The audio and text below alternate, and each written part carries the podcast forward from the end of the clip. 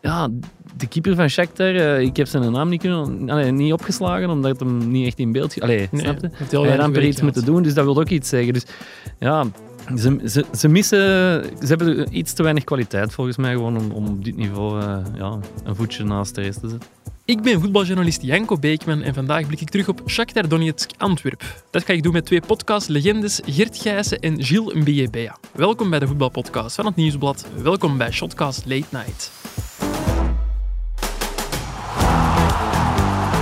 Kuipers met de kans en mooi afgemaakt zeg.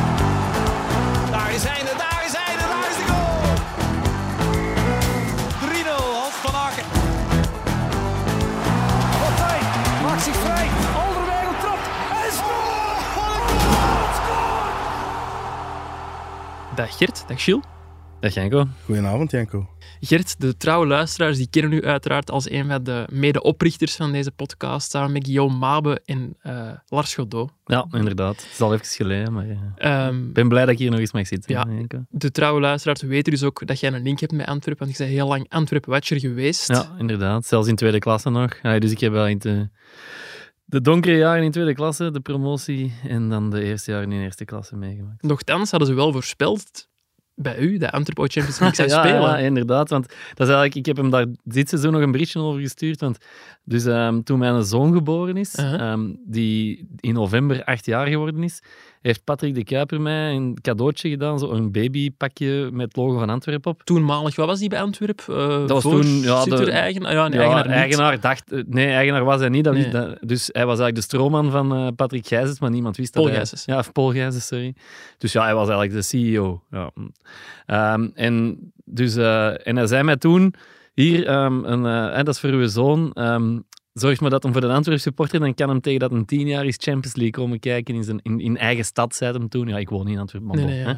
En eh, ik heb hem daar toen bijna mee, net niet mee uitgelachen, want Antwerpen zat toen... Dat was echt de periode John Bico, hè, toen mijn Uh-huh. zoon geboren is. Dus ja, dat is... Het dieptepunt. Ja, dat was echt het dieptepunt van dat seizoen in tweede klasse. Het jaar ervoor hadden ze dan tegen Eupen de promotie gemist. En ik herinnerde mij dan ook nog Sa- Maget Sammy van toen ik Lierse volgde, die ook zo'n uitspraken deed van binnen tien jaar spelen we Champions League. Dus ik dacht, ja, hier.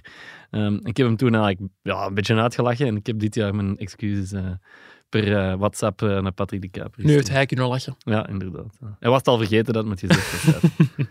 Gilles, jij bent eh, een bekend podcaster, 90 Minutes, Barotelli, Wit Mit. Eh, maar je hebt ook een link met Antwerp. Hoe is dat dan nu weer? Ja, mijn, eh, mijn hele sportieve carrière is er eigenlijk begonnen. Hè. Ehm, ik heb na mijn studies een stage gedaan. Allee, tijdens mijn studies eigenlijk een afstudeerstage Mhm. gedaan bij Antwerp. En ehm, dat was midden in de promotie ook. Dus eh, dat was net na John Bico ben ik er eh, ingekomen. en een leuke anekdote misschien. In de film van Antwerp speel ik ook effectief John Bico. We hebben gewoon de Dus van John Bico hier ja, zitten. degene dan zo een Ah, klap echt? geeft aan Stallone in Bombay, zo gezegd. eh, Ah, Dat is mijn oké, hand in de film. Ik kom ook in die film trouwens. Ah, Dus, Dus podcasters, en filmster. voetbalkenners en filmsterren. Voilà, dat hier wordt hier een, een topaflevering. We gaan het uiteraard over Shakhtar Antwerp hebben in deze aflevering. Maar ja, nog voor de aftrap werd er eigenlijk al een bommetje gedropt. Niet bij Antwerpen, wel bij Club Brugge. Want Vincent Manhart die vertrekt eind dit seizoen als CEO eh, bij de club. En ik heb aan onze Club Brugge-watcher Pieter en Kalkoen gevraagd om daar eens een eh, woordje uitleg bij te geven. Dag Janko, Pieter Jan hier, de Club Brugge-watcher. Eh, Daar straks ben ik in allerijl naar eh, Westkapelle gebold. Alhoewel in allerijl, we wisten wel dat er iets had eh, aan te komen. Natuurlijk, en dat bleek ook. Het, het vertrek van Vincent Manhart op het einde van het seizoen als CEO. Een, een afscheid dat al een tijdje in de lucht ging. waarvan we wisten dat er hardop over werd nagedacht. Maar dat is nu dus geofficialiseerd. Op de persconferentie was er een serene sfeer. Ik zag dat Manhart toch een paar keer op de tanden moest bijten. Het zal voor hem ook wel emotioneel zijn om na 12 jaar en vijf landstitels eh, afscheid te nemen van zijn Club Brugge. Eh, natuurlijk is hij nog wel eventjes op post. Maar eh, hij handelde het heel zakelijk af. Ook Bart Verhagen sprak een paar woordjes in om, om te bedanken. Had het toch ook wel over een zeer intense, mooie samenwerking. Zette ook nog even de puntjes op de i wat betreft de overnameplannen. Eh, dus ja, eh, er was wel wat volk opgedaagd op het eh, basecamp in Westkapelle. Heel veel persaandacht natuurlijk. Wat ook wel aantoont eh, een heel belangrijke rol heeft gespeeld in ons voetbal. En het is nu uitkijken hoe Club Brugge hem zal vervangen. Ik weet niet of het haalbaar blijft om dat louter door één persoon te laten doen. Uh, Manarts gaf ook zelf aan dat het toch wel een heel intensieve job is. We zien ook bij clubs zoals Anderlecht en Antwerp dat er altijd een sportief directeur is en een CEO. Uh, of een CEO sports en een CEO non-sports. Dus het is maar de vraag of Club Brugge ook die weg zal bewandelen. Maar goed, de komende maanden uh, doet Manhart het dus nog. Hij zal ook betrokken blijven bij de zoektocht naar een vervanger. Blijft ook aandeelhouder. Dus uh, de banden worden niet helemaal doorgeknipt. Maar dat dit het einde van een tijdperk is, dat staat wel vast. Het einde van een tijdsperk, daar gaan we het in eh, de aflevering van maandag uiteraard nog iets uitgebreider over hebben met uh, Koen en Ludo, vermoed ik. Shakhtar Antwerp dan. Gilles, jij blijkt naast de voormalig teammanager ook ongeluksbrenger van Antwerp, want je kwam ja, door de opname van die andere podcast, 90 Minutes, iets later binnen. Je waart denk ik 30 seconden in onze ja. zetel gaan zitten en de 1-0 viel al. Die, die goal, wat loopt er eigenlijk fout? Gaat Buté in de fout? Goh, ik denk ja, eerder dat het een samenloop van omstandigheden is. Het is een vrije trap die er ook komt, ja heel jammerlijk, want Jelle Bataille draait zich wel weg, maar die draait dan toch tegen, u, tegen zijn rechterhand, denk ik. En uh, dan is het een vrije trap die ja, perfect getrapt is eigenlijk. Ja, het is eigenlijk vooral de kwaliteit van de, van de, straf, uh, de vrije trapnemer in mijn mm. ogen. ik denk dat er, dat er als verdediging en als doelman uh, niet per se heel veel ja, fout toe op dat moment, maar nee. het is echt gewoon ja, perfect getrapt een bal. En ja, als die dan geraakt wordt, ja, dan is het als keeper wel echt moeilijk. Allee, dat is, dat is, ja, je moet wachten op de op de touch om te reageren als doelman. Ja. Dus ja, ik zou hem dat nu niet aanvijven. Uh. Zelfs jij niet, Gert. Nee, moet misschien even benoemen. Gert, zelf ex-doelman ook. Of nog altijd doelman. Speelt je nee, soms nee, nog? Ex-doelman. En nooit echt de allergrootste Jean Buté-fan geweest. Ja, dat wil ik altijd een beetje nuanceren. Want daar ben ik altijd wel neergezet. Omdat ik daar er in het begin heel kritisch over was. Maar mijn kritiek ehm, in het begin bij Moes Kroen en in het begin bij Antwerpen ook was. En dat was ook toen zo gewoon. Die deed elke match wel iets mis. Dus er, er was altijd, altijd iets. Ja, het kwam niet altijd een goal van, maar er was elke. Dus ik, ik, ik had echt mijn twijfels. Dus ik had Ja. echt grote twijfels van dat. Ga, ik dacht echt dat gaat geen grote worden. Ehm, net daarom, omdat hij elke match die kleine fouten maakte. Eh, nu zie ik niet meer alle matchen volledig, kan ik het niet meer exact beoordelen, maar ik heb wel het gevoel dat het er stilletjes aan uitgegaan is. Wel, die, Ja. eh, Hij wordt die volwassen. Ja. Nog meer in het, ik vond nog iets meer in het kampioenjaar. Dat was een heel seizoen echt topgekipt van hem, vond ik. En in alle facetten, in het meevoetballen, in het anticiperen en stilstaande fases en op voorzetten komen. Dit jaar heb ik toch al met momenten zo een klein beetje een minder gevoel, maar ja. Ja, ik deel dat, wel. Vanavond logisch, is het mij niet opgevallen, maar er zijn inderdaad al wedstrijden geweest waar er fases waren waar dat je toch dacht Ja, van... vanavond was hij de beste Ja. eigenlijk. Ja, daar gaan we het zoiets zeker over hebben, over wie de, wie de beste was. De nederlaag voor Antwerpen, was die terecht? Of Zat er meer in? Ja, ik denk vooral dat je door deze wedstrijd op je limieten bent aan het botsen in de Champions League. En dat er heel veel jongens op een veld staan. En ja, dat moet je namen noemen, zoals, zoals een Moeja, waar, dat ik van heb, waar dat ik zoiets bij heb van...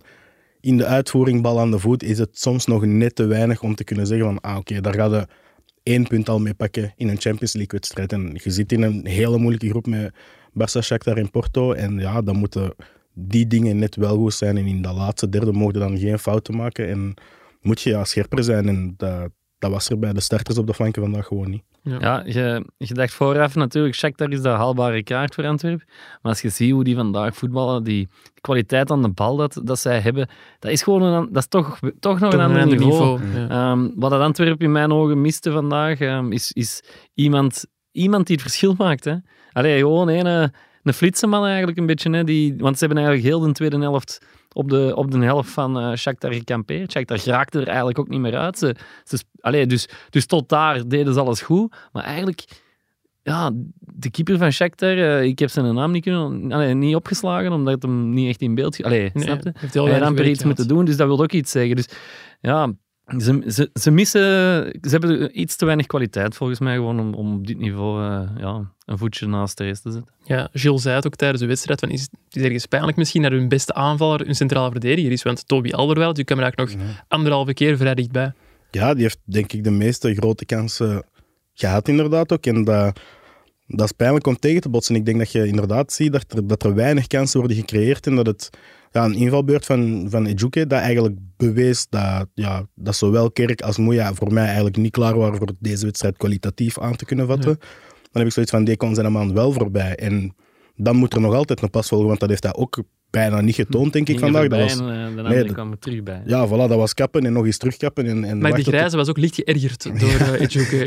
Het was duidelijk dat hij er niet zo'n fan van was, denk ik. Maar inderdaad, je moet op die positie hebben wat dat je... Ja, in elke linie heb je een topper nodig. En, Ze hebben die twee linies, maar niet in die derde misschien. ja, en daarom is ja, in drie linies, want je kunt de keeper eigenlijk misschien nog een ja. linie apart. Dus op dat vlak, je hebt met Alderweireld en met ja, eigenlijk Vermeeren en, En Yusuf als tandem. ook, en ja. Keita zeker. En dat altijd wel een tandem dat goed staat. Maar dan ontbreekt het op die flanken. En ik vind dat je dat in de competitie eigenlijk al met momenten hebt gezien. Maar in een Champions League wordt dat gewoon heel duidelijk dat daar niemand vanuit het niks ineens een kans kan creëren voor Mhm. Vincent Janssen. Ja. Vincent Janssen, daar wil ik het nog even over hebben. Er was één fase waar hij eh, appelleerde voor een penalty. Had Antwerp daar een strafschop moeten krijgen volgens jullie? Ja, mijn ehm, reactie toen ik het bij de herhaling, moet ik wel toegeven, zag, was ja, die, de, de, de verdediger die kijkt wel gewoon, die zit niet naar de bal te kijken. Hè. Die kijkt naar Jansen en die zegt van, nou, ik kan hier even mijn armpje er tegen houden. Dus je kunt hem wel geven, maar ik snap natuurlijk ook wel dat je dat het geen clear error is, Ja. eh, zoals ze Te weinig Eh, om dus- in te dus- grijpen maar als voor hem de. Ik denk ook wel als hem gefloten wordt, dat de VAR ook niet zegt, Nee, nee. allee, nee. geen penalty. Dus ja, Maar ik denk ook, vooral omdat die voorzet er niet doorkomt. Ja. Als daar een voorzet komt in de richting van waar dat Jansen naartoe beweegt, dan denk ik dat je hem altijd moet geven, want dat is gewoon een grote kans ontnemen door niet naar je man te kijken en er met je hand echt aan te gaan hangen. Het is niet dat een duel was of met de schouder was, hij, ging echt, hij trok aan zijn arm. Dus ja, dat gebeurt vaker in een wedstrijd. Ik bedoel, op corners gebeurt dat, ja, denk ik, in elke match drie, vier keer. Dan is het geval vooral, ja, kijken, komt een bal naar hem, dan, dan nemen we wel een kans Ja. af en dan geven we penalty. Dus dat zal het vooral zijn. Ja, wat we hier in eh, Shotcast Late Night ook altijd doen, dat is de spelersbeoordeling bij ons in de krant overlopen. Ik kan eerst aan jullie vragen, Geert, je bent zelf ex-journalist, wie zou jullie de meeste eh, punten geven bij Antwerpen? En hoeveel Ja. zou dat dan zijn? Ehm goh. Ehm, misschien zou ik Vermeeren eh, wel een 7 geven. Gilles? Ja, ik heb eh Vermeeren zowel in de laatste minuut als eh, zo in de tweede helft echt nog veel zien werken en Ja, die stond van voor. Die, Ja. die, die had net een, een schot op doel gedaan en Ja. drie seconden later stond hij als rechts een bak een bal te recupereren. hè. Ja, Het is ja. eh, heel, heel goed gegokt of heel goed beoordeeld van u, Geert. Want uh, Vermeer krijgt inderdaad een 7 van onze collega David van den Broek. Eh, een goede eerste helft met een pas op Moeja die meer kon opleveren. Ook veel intercepties haalde nog de 2-0 van de lijn. ja ook. Terecht wel volgens mij. Er zijn nog twee jongens die een 7 krijgen. Wie zou er Twee zijn? zelfs. Twee. Twee, denk ik dan, omdat hij nog Ja, twee keer echt een goede redding uh, aan de bal eruit had Ja. tegen de lat. Ook twee keer. We gaan ja, meteen een van de verdedigers misschien, omdat ze... Ja, toch niet Wijndal of Bataille, vind ik dan. Nee, Ja, nee. inderdaad. Het Hey, zijn, joh, eh, het gaat is, hem dat aan Hiuke geven, omdat hij ervan is? Nee, Soumaila Koulibaly. Ah, Eh, die oei, krijgt ook een die- 7 ja. op 10. Ja, om te zeggen dat hij beter was dan Alderweireld, dan Misschien, vind ik eh, ook sterk. Hebben ze in het stadion meer gezien dan. Ja. van eh Koulibaly. Dat zou inderdaad, eh, het zou inderdaad kunnen. Jullie hebben ook meer gezien dan ik trouwens, want eh, na het laatste fluitsignaal, ik was hier de studio al aan het klaarzetten en was er nog een opstootje blijkbaar. Ja, inderdaad. Ehm, ehm, volgens mij was het eigenlijk een opstootje met Vincent Janssen. Ja. Ehm, eh, wat er gebeurde, hadden we ook niet goed gezien. Maar, en, maar is het wel Moeja die een, tweede gele, ah, een gele kaart kreeg? Oei. Ja. En een tweede gele kaart. Dus die kreeg dan rood. Die mag Ja. dan niet meedoen tegen eh, eh, Barcelona, op de slotspeeldag. En ehm, ja, wij hadden nog de indruk, hè, Gilles, dat, dat Jansen zelf nog tegen de scheidsrechter Ja. ging zeggen, ja, maar ik was het. eh. hij, hij, hij ging echt naar de scheidsrechter en hij, deed- en hij wees naar zichzelf van... Het was mij omdat hij denk ik ook door had dat, dat hij nu Moeja moet missen. Moeja wel Barcelona moet missen.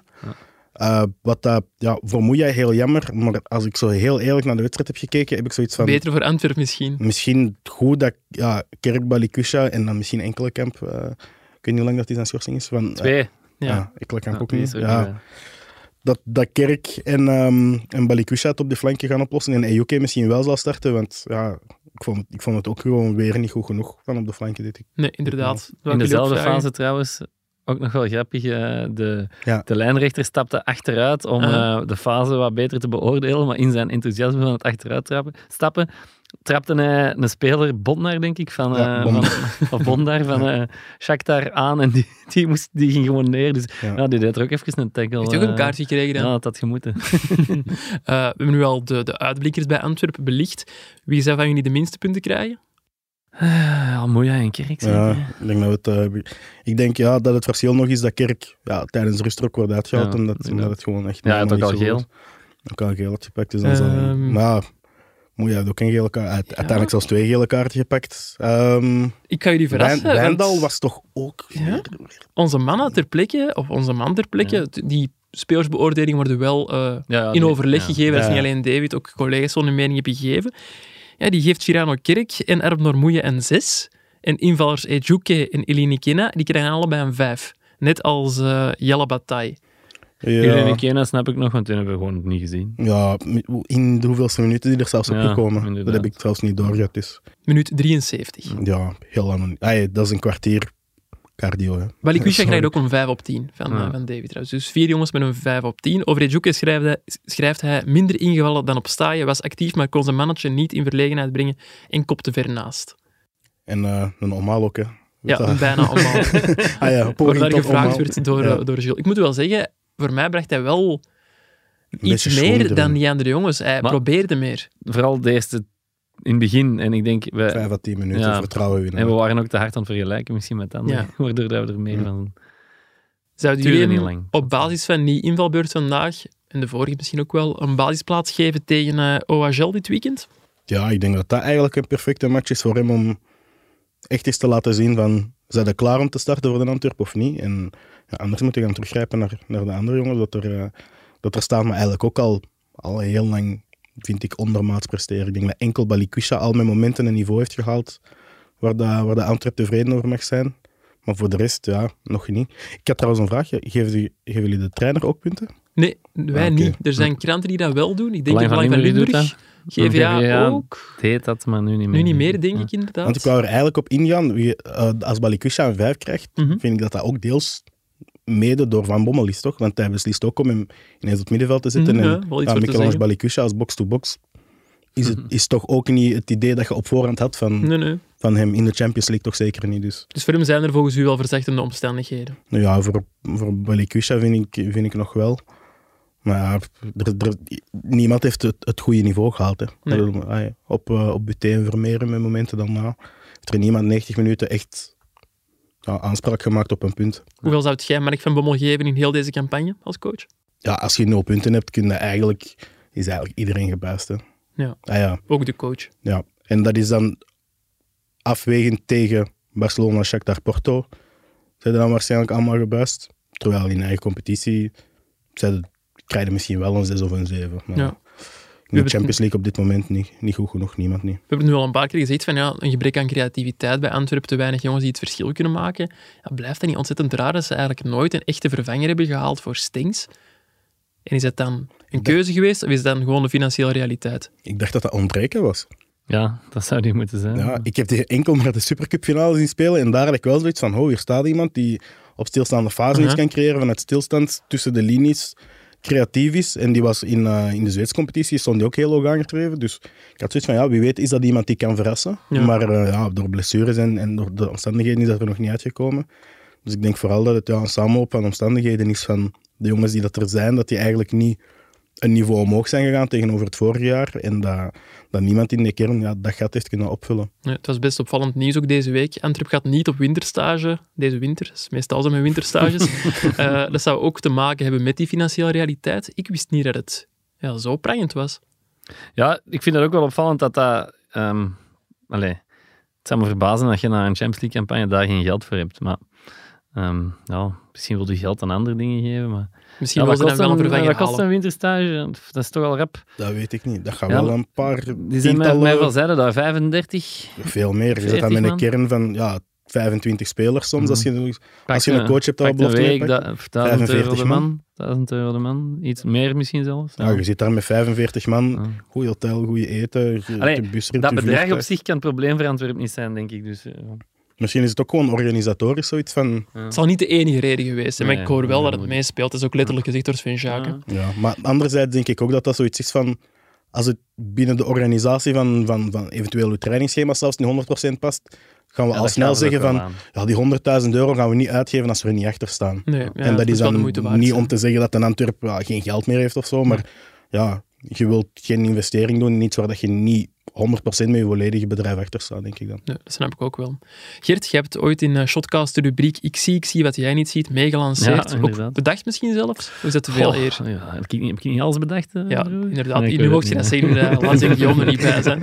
Eh, maar er ontsnapt nog altijd niks aan uw scherpe blik, heb ik vandaag mogen Ja, merken. inderdaad. Ehm, bij de vervanging, het viel me wel pas op bij de vervanging, maar ehm, die eh, Neverton, hij heeft Neverton. Neverton, dat is een hele goede naam. ja, Neverton, hè, die linksbuiten van eh Shakhtar, die ging En eh, ik zag dat hij zijn zijn naam op zijn truikje, zijn eigen naam op zijn truikje stond fout geschreven. Dat was met twee T's in plaats van met één T. Dus ja, dat Ja. vond ik best eh, opmerkelijk eigenlijk. Want, Nochtans eh, hebben ze als wel ervaring met Brazilianen Als bij kitmanager Shakhtar. heb je maar één job, niet waar? eh?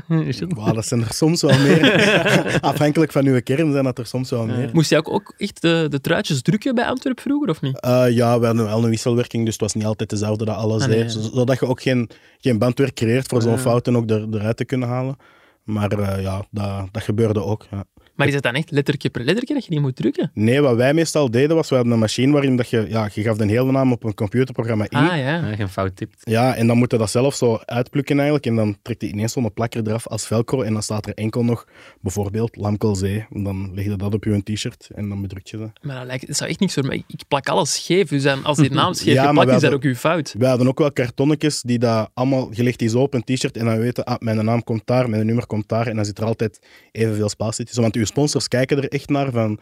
Staat heile vastgoed op 10 centimeter van, van, van uw... Met een meetlat van- dicht. Ja, ja, ja, we hebben dat echt met een meetlat Oh, afgemeten. joh. en je, hebt- ja, je hebt keiveel van die regels. Dus ik weet dat wij op ons handschoenen mag je, uw, uw Jacco-logo mag niet groter zijn dan, dan, dan 5 op 4 bijvoorbeeld in, in de Pro League en dergelijke. Er zijn echt bizar veel regels qua, qua kledij en zo. Dat, dat is echt... Allee, is En echt ooit fouten gemaakt? Ja, ja, ja. ja. Wij, Ja, je mocht dat zeggen. Zijn nu weg. hebben eens eh, in een playoff-wedstrijd ehm de gele tenue van Bolat in plaats van de groene meegepakt. En ja, de, de keeper van Genk speelde toen ook in het geel en dan was er een discussie. Maar we hebben het op, op het einde ja, heeft Van Jaak dan echt gezegd van oké, we spelen in het geel of we spelen niet. Dan, dan fluit het maar af omdat we geen truiken hebben. Ja, Ja, geen enkele scheidsrechter gaat, dan, gaat dat ja. doen.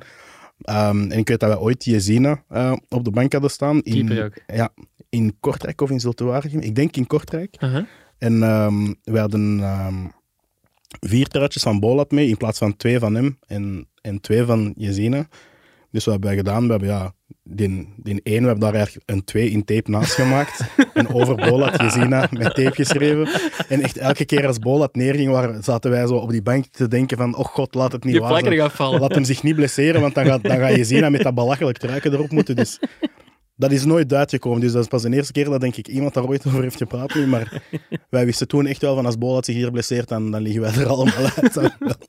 Ik herinner mij ook een verhaal van u, dat jij volgens mij ooit scheenlappen of voetbalschoenen van iemand zijn moeten gaan halen, terwijl jullie op verplaatsing spelen. Maar ik- Ja, ik ben zo ooit, eh, dat heb ik ook nog nooit gezegd, ik ben ooit naar rijbewijs uitgeraakt door eh ene Dieu Merci Bocani. je hebt dat volgens mij wel in de podcast verteld. Anders Dat ik kan wel. in maar de we vierkante hadden- paal, als ik me niet vergis, om niet mijn Ja, te juist, juist. Dat we eigenlijk...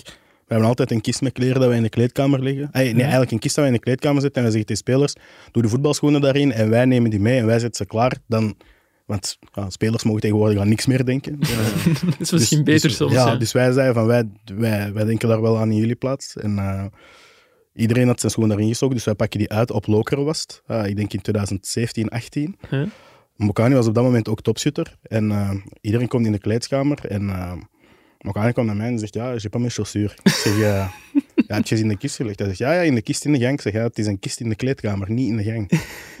Ja, was u van de reserve of zo dan? Nee, ja, gewoon een kistje dat er nog stond, omdat wij daar soms ook ja, andere dingen in, in verplaatsen en zo. En uh, ik heb op dat moment uh, naar iemand van de club gebeld en gezegd van ja, ik ga nu in, ja, in spoedtempo naar Antwerpen en terugrijden, want anders heeft Mokani geen schoenen voor te starten. Het is anderhalf uur voor de match. Ik zeg van, ik kan niet beloven dat ik er voor de opwarming ben, maar als ik geflitst word, wil ik wel dat de club dat betaalt. Die persoon heeft dan gezegd van ja, wij betalen dat. Geen boete van gekregen en uh, vier, vijf maanden later kwam er een brief dat ik uh, moest voorkomen. En uh, dat mijn rijbewijs werd ingetrokken voor uh, acht werkdagen. Dus, uh, Volgens mij willen we ook niet weten hoeveel te snel je hebt gereden nee, dat nee, moment. dat gaan, ook, ja, dat, was, gaan we hier niet in de podcast dat was een beetje vermelden. onverantwoord. Dat ga ik En ook, een Bocani dan gescoord die match? Eh, nee, nee, ze hebben ook nog eens verloren op Loker. Dat, Ah. weet ik nog. dat, was, dat was ook echt een heel slechte periode. Maar En heeft hij de, de boete betaald voor u dan, een Bocani? eh, ja, en eh, ja, ook gezorgd dat ik op de club geraakte. Want ja, Ah ja, als je je een met een auto dus dan- plots, werd jij niet meer de chauffeur van een Bocani, maar u, Nee, Bocani uw chauffeur. Nee, iemand anders. ik denk dat een Bill Lathouwers was dat mij toen een week mee heeft eh, opgepikt. Dus, Mooi. Over, over truitjes gesproken. Jullie waren allebei niet meteen fans van de huidige truitjes van Antwerpen, van de, van de blauwe dan, waar Nee, ze nee. vandaag Ik meespeelden. vind, ik vind de kleur niet zo... Dat is niet mijn ding. Maar nee, Nee, nee. Nee, nee, nee. Dat blauw oogt ook zo niet, niet echt Antwerps. Nee, nee, het is inderdaad... Ik, ik, ik heb er eigenlijk persoonlijk een beetje moeite mee met clubs die... Natuurlijk, ik snap het, het is marketing en het is, het is Ja. dingen. Maar uw tweede tenue moet uw tweede kleur zijn. Punt. Allee, Ja. dat is mijn, Ja. mijn mening. Maar het is de derde tenue, hè, dit. Ah, dan, dan is het niet erg. Ah, oké. Dan mag, Dan ik mag het ook van Gert Ja, Gijs. dat is juist inderdaad. Ze hebben dat wit. Ze hebben rood en wit en Ja. dit is hun, hun derde truitje. Maar ja, stel nu dat ze stunden tegen Barcelona in die truitje en is dat plots een collectors item. hè. Nou, dan verkoopt hij die elk jaar terug opnieuw. Hè, van, weet je nog, in dat jaar dat we Barcelona... Ja, binnen 25 jaar Ja. nog eens. Ja. Tuurlijk. Dus, Inderdaad. Zeg jij een truitjesverza- truitjesverzamelaar, Geert? Ja, ergens in mijn hart wel, maar ik hoop het gewoon niet meer. In de ik, portefeuille eh, niet? Jawel, omdat ik het gewoon nooit niet meer draag. Ehm, dus eh, ik heb dat vroeger heel veel gedaan, maar nu heb ik dat overgezet op mijn zoon. Ah. En dat is dan een beetje... ehm, ik geef die dan te veel truitjes naar de goesting van mijn vrouw. maar bon, eh, dus, ja, maar hij heeft er ook wel eentje verdiend door, door zijn sportieve prestaties, heb ik gehoord. ja, inderdaad. Ik had mij in mijn weddenschap dat hem een bepaald aantal... Want hij zaagt altijd veel voor truikens, dat hij een bepaald aantal moest, keer moest jongleren. En ik moest het kunnen zien dat hij dan een nieuw truiken kreeg. En eh, dat heeft hem pas verdiend. En eh, hij koos voor een truiken van uh, Torgan Hazard bij Anderlecht. Geen slechte keuze, denk goeie ik keuze, goede smaak. Nu al meer talent dan zijn vader, dat is ook mooi. Over talent gesproken, bij Antwerp zat er ene Milan Smits op de bank, zoon van Bjorn, Bjorn, Smits, ja, als ik me niet vergis. Ex-Geel, ex-Oostende. Is dat de, de nieuwe Arthur Vermeeren, Gilles? Goh, ik denk dat je niemand stempel mocht geven, omdat dat een heel gevaarlijke ehm, ja, uitgangspositie is. Dan verwacht je eigenlijk dat iemand op zijn achttiende eh de dubbel gaat pakken als, als een van de belangrijkste middenvelders. Dus dat, dat zeker niet. Maar het, was iemand, eh, het is iemand die dat er heel hard voor heeft gewerkt wel. Want ik, ik had aanvankelijk misschien niet gedacht dat hij het tot bij de eerste ploeg van een Antwerp zou, zou schoppen. Dus dat is volledig zijn eigen verdienste. Eh, dat hij talent had, dat wist ik altijd wel. Het is iemand die ja, op middenveld altijd wel zijn plan kan trekken. En in één, twee tijden altijd wel lateraal of naar rechter of zelfs vooruit altijd een oplossing kan vinden. Ehm, dus ja, het zal, het zal echt volledig, ja, dat is heel cliché, maar het gaat volledig van zichzelf afhangen van hoe ver dat zijn carrière in, in profvoetbal in België of zelfs in het buitenland, wie weet, eh, kan geraken. Ik, eh, maar er zitten er wel een aantal bij, bij Antwerpen. Ik denk, eh, als ik aan Kobe Corbani denk, die heeft jammer genoeg ja, een, een breuk in zijn middenvoetsbeentje gehad, denk ik, Ja. het voorbije jaar. Dus die heeft er wat mee gesukkeld. Maar dat is eigenlijk degene waarvan dat ik had gedacht, hij gaat na Arthur en Zeno van den Bos eh, er dichterbij komen. Zijn er zo nog namen die de mensen misschien nog niet kennen en jij wel? Goh, Dus je ja. kent veel mensen uit de jeugd van Antwerpen. Ja, ik, ik ken er veel, maar ja, dat is ook... Als je op je vijftiende talent hebt, dan zet je al gemakkelijk een naam. En ik bedoel, hoeveel van die gastjes Ja. halen het misschien niet, dus dat is misschien al gevaarlijk om te zeggen. Ik kan wel zeggen dat de Niels de Valkeneer als keeper ook altijd wel ja, een goede naam had binnen Mhm. de, binnen de Ja, die zat nu op de bank, hè. Ze zaten Ja. met twee keepers op de Ja, bank. hè. ja dus, dus eh, dat is ook, ook, ook allemaal jongens waar dan een goede kop op staat. En, en jongens dat, dat niet te snel gaan zweven. En ik denk dat je dat, ja, als je ziet naar Arthur, als je kijkt naar een Zeno van den Bos, als je kijkt naar... ehm, ja, nu, Milan Smit zal dat ook moeten bewijzen dat hij, dat hij een nuchtere jongen is. Maar ik denk dat dat vooral het belangrijkste is voor die eerste stappen goed te kunnen doorbreken. Want we hebben al heel veel gezien dat, dat kan mislopen in, eh, in, in België, in profvoetbal. Absoluut.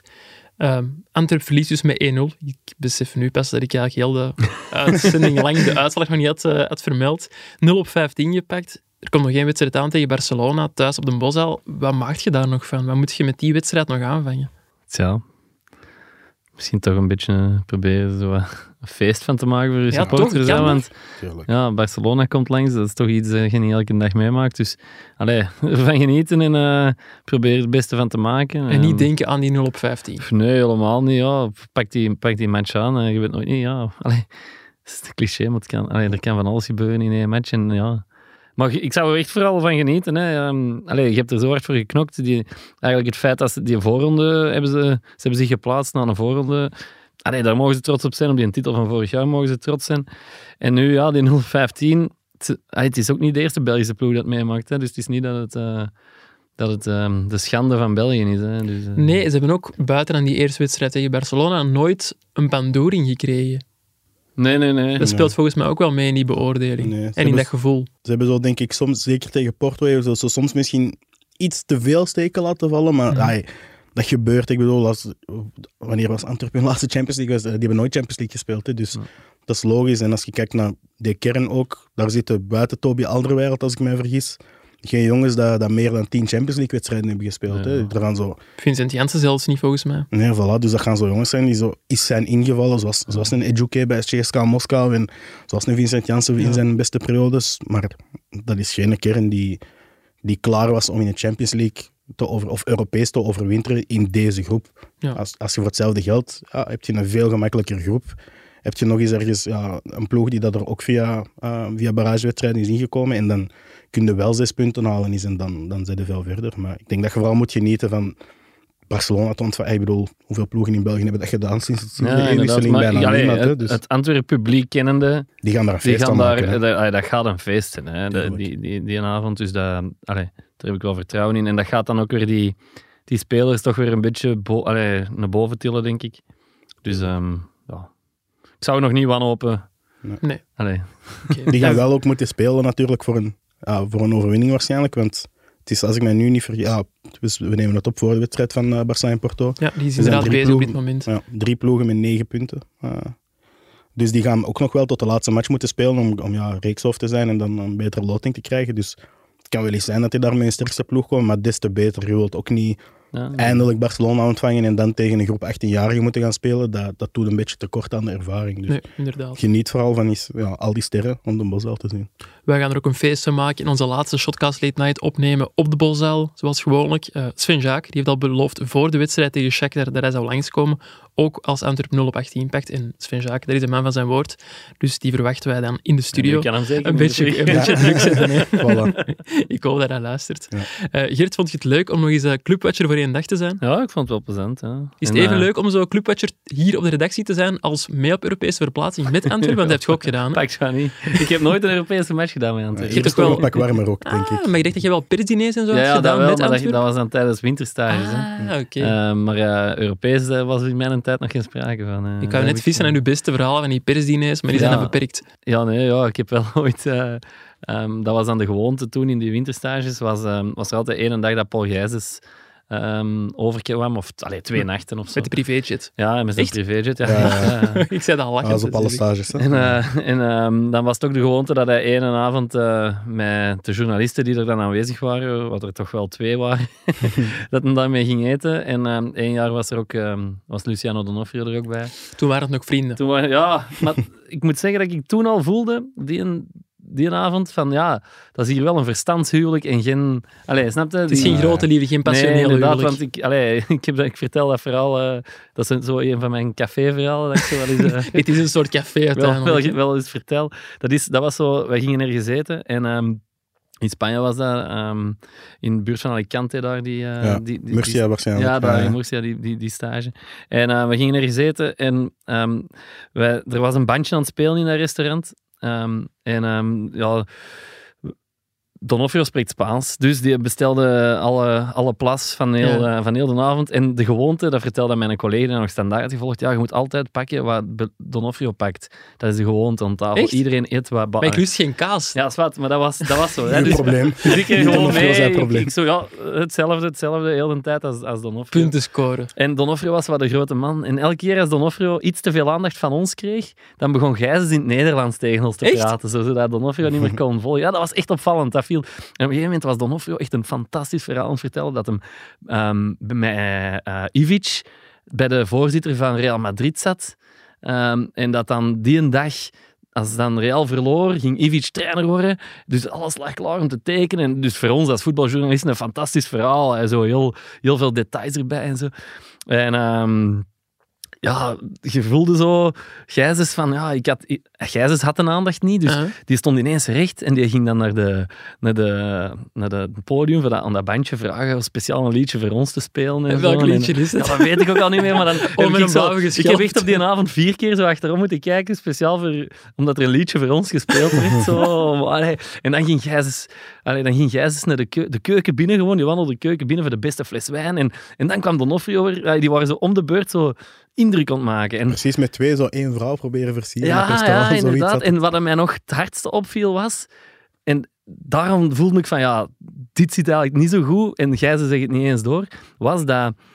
Gijzes probeerde soms gevoel... Ja, Gijzes zijn voetbalkennis was niet... Die was ingestudeerd. Gijzes, een- zeker zo... Als het niet over Antwerpen ging, maar over zo... Ja, De internationaal Belgische voetbal. competitie misschien. Of... Dan, dan vertelde hij zo dingen en dan zei Donofrio iets en je voelde dan alles dat Gijzes altijd beaamde wat Donofrio zei. Totdat Donofrio, ik, ik weet ook niet meer juist wat hem zei, dat vind ik heel jammer, iets zei waarvan wij zoiets hadden van, wat zeg jij nu? En dan Gijzes dat zo beaamde. Ja, was Waarmee gewoon dat een test, Donofrio om ons wou duidelijk maken van, zie je wel, ik ken er niks er van. niks van. Ja. ja. Snapte, ik doe het hier wel, hè, manneke. Snapte? De, Ja, ja. zo, die indruk, allee, dus dat was zo heel een tijd... Ik zou heel graag een Spaanse vlieg geweest zijn. Ja, dat was een heel apart, apart... Dat was trouwens met Stijn Joris, die ook nu hier bij ons werkt. Ja. Die zat er ook bij, eh, die Ah, avond. Die was toen Antwerp-watcher voor het laatste nieuws. Dus ehm, ja, dat was... eh, Misschien moeten we ooit eens een special doen met de twee ex-Antwerpatjes. Volgens mij gaan er heel veel goede verhalen uitkomen. Jules, jij ook geamuseerd hier in onze café? Enorm, enorm. Het was eh, heel leuk om erbij te zijn. Nu gaan wij in ruil ook eens naar eh, Café Barotterie moeten komen. Hè, want je Zeker. hebt ons al een paar keer uitgenodigd. Gewoon. Oh, ja, Ja, sorry, ja, ja. het is ook een café toch? Hè? Ja. Een, Ja, eh, het is een We hadden vandaag bar, hè. Ja, ja, ja, het is goed gevonden, ja, absoluut. Woordspeling, ik ben er fan. Hè. We hebben voorlopig alleen Guillaume Mabe eh, gestuurd. We zullen ook eens een voetbalkenner laten komen. Voilà, dat is- dat een mopje want hij luistert. En hij weet dat hij eh, een kinder is. hè. Goed. merci Gert. Oh, Sviet krijgt de slappe lach. Merci Gert, merci Gilles. Eh, Gilles, sorry. Dit was het voor vandaag. Bedankt ook aan Elisabeth voor de montage en aan de mensen bedankt om te luisteren en tot maandag. Voilà. Ze biedt Guillaume weer kwaad. Kuipers met de kans en mooi afgemaakt.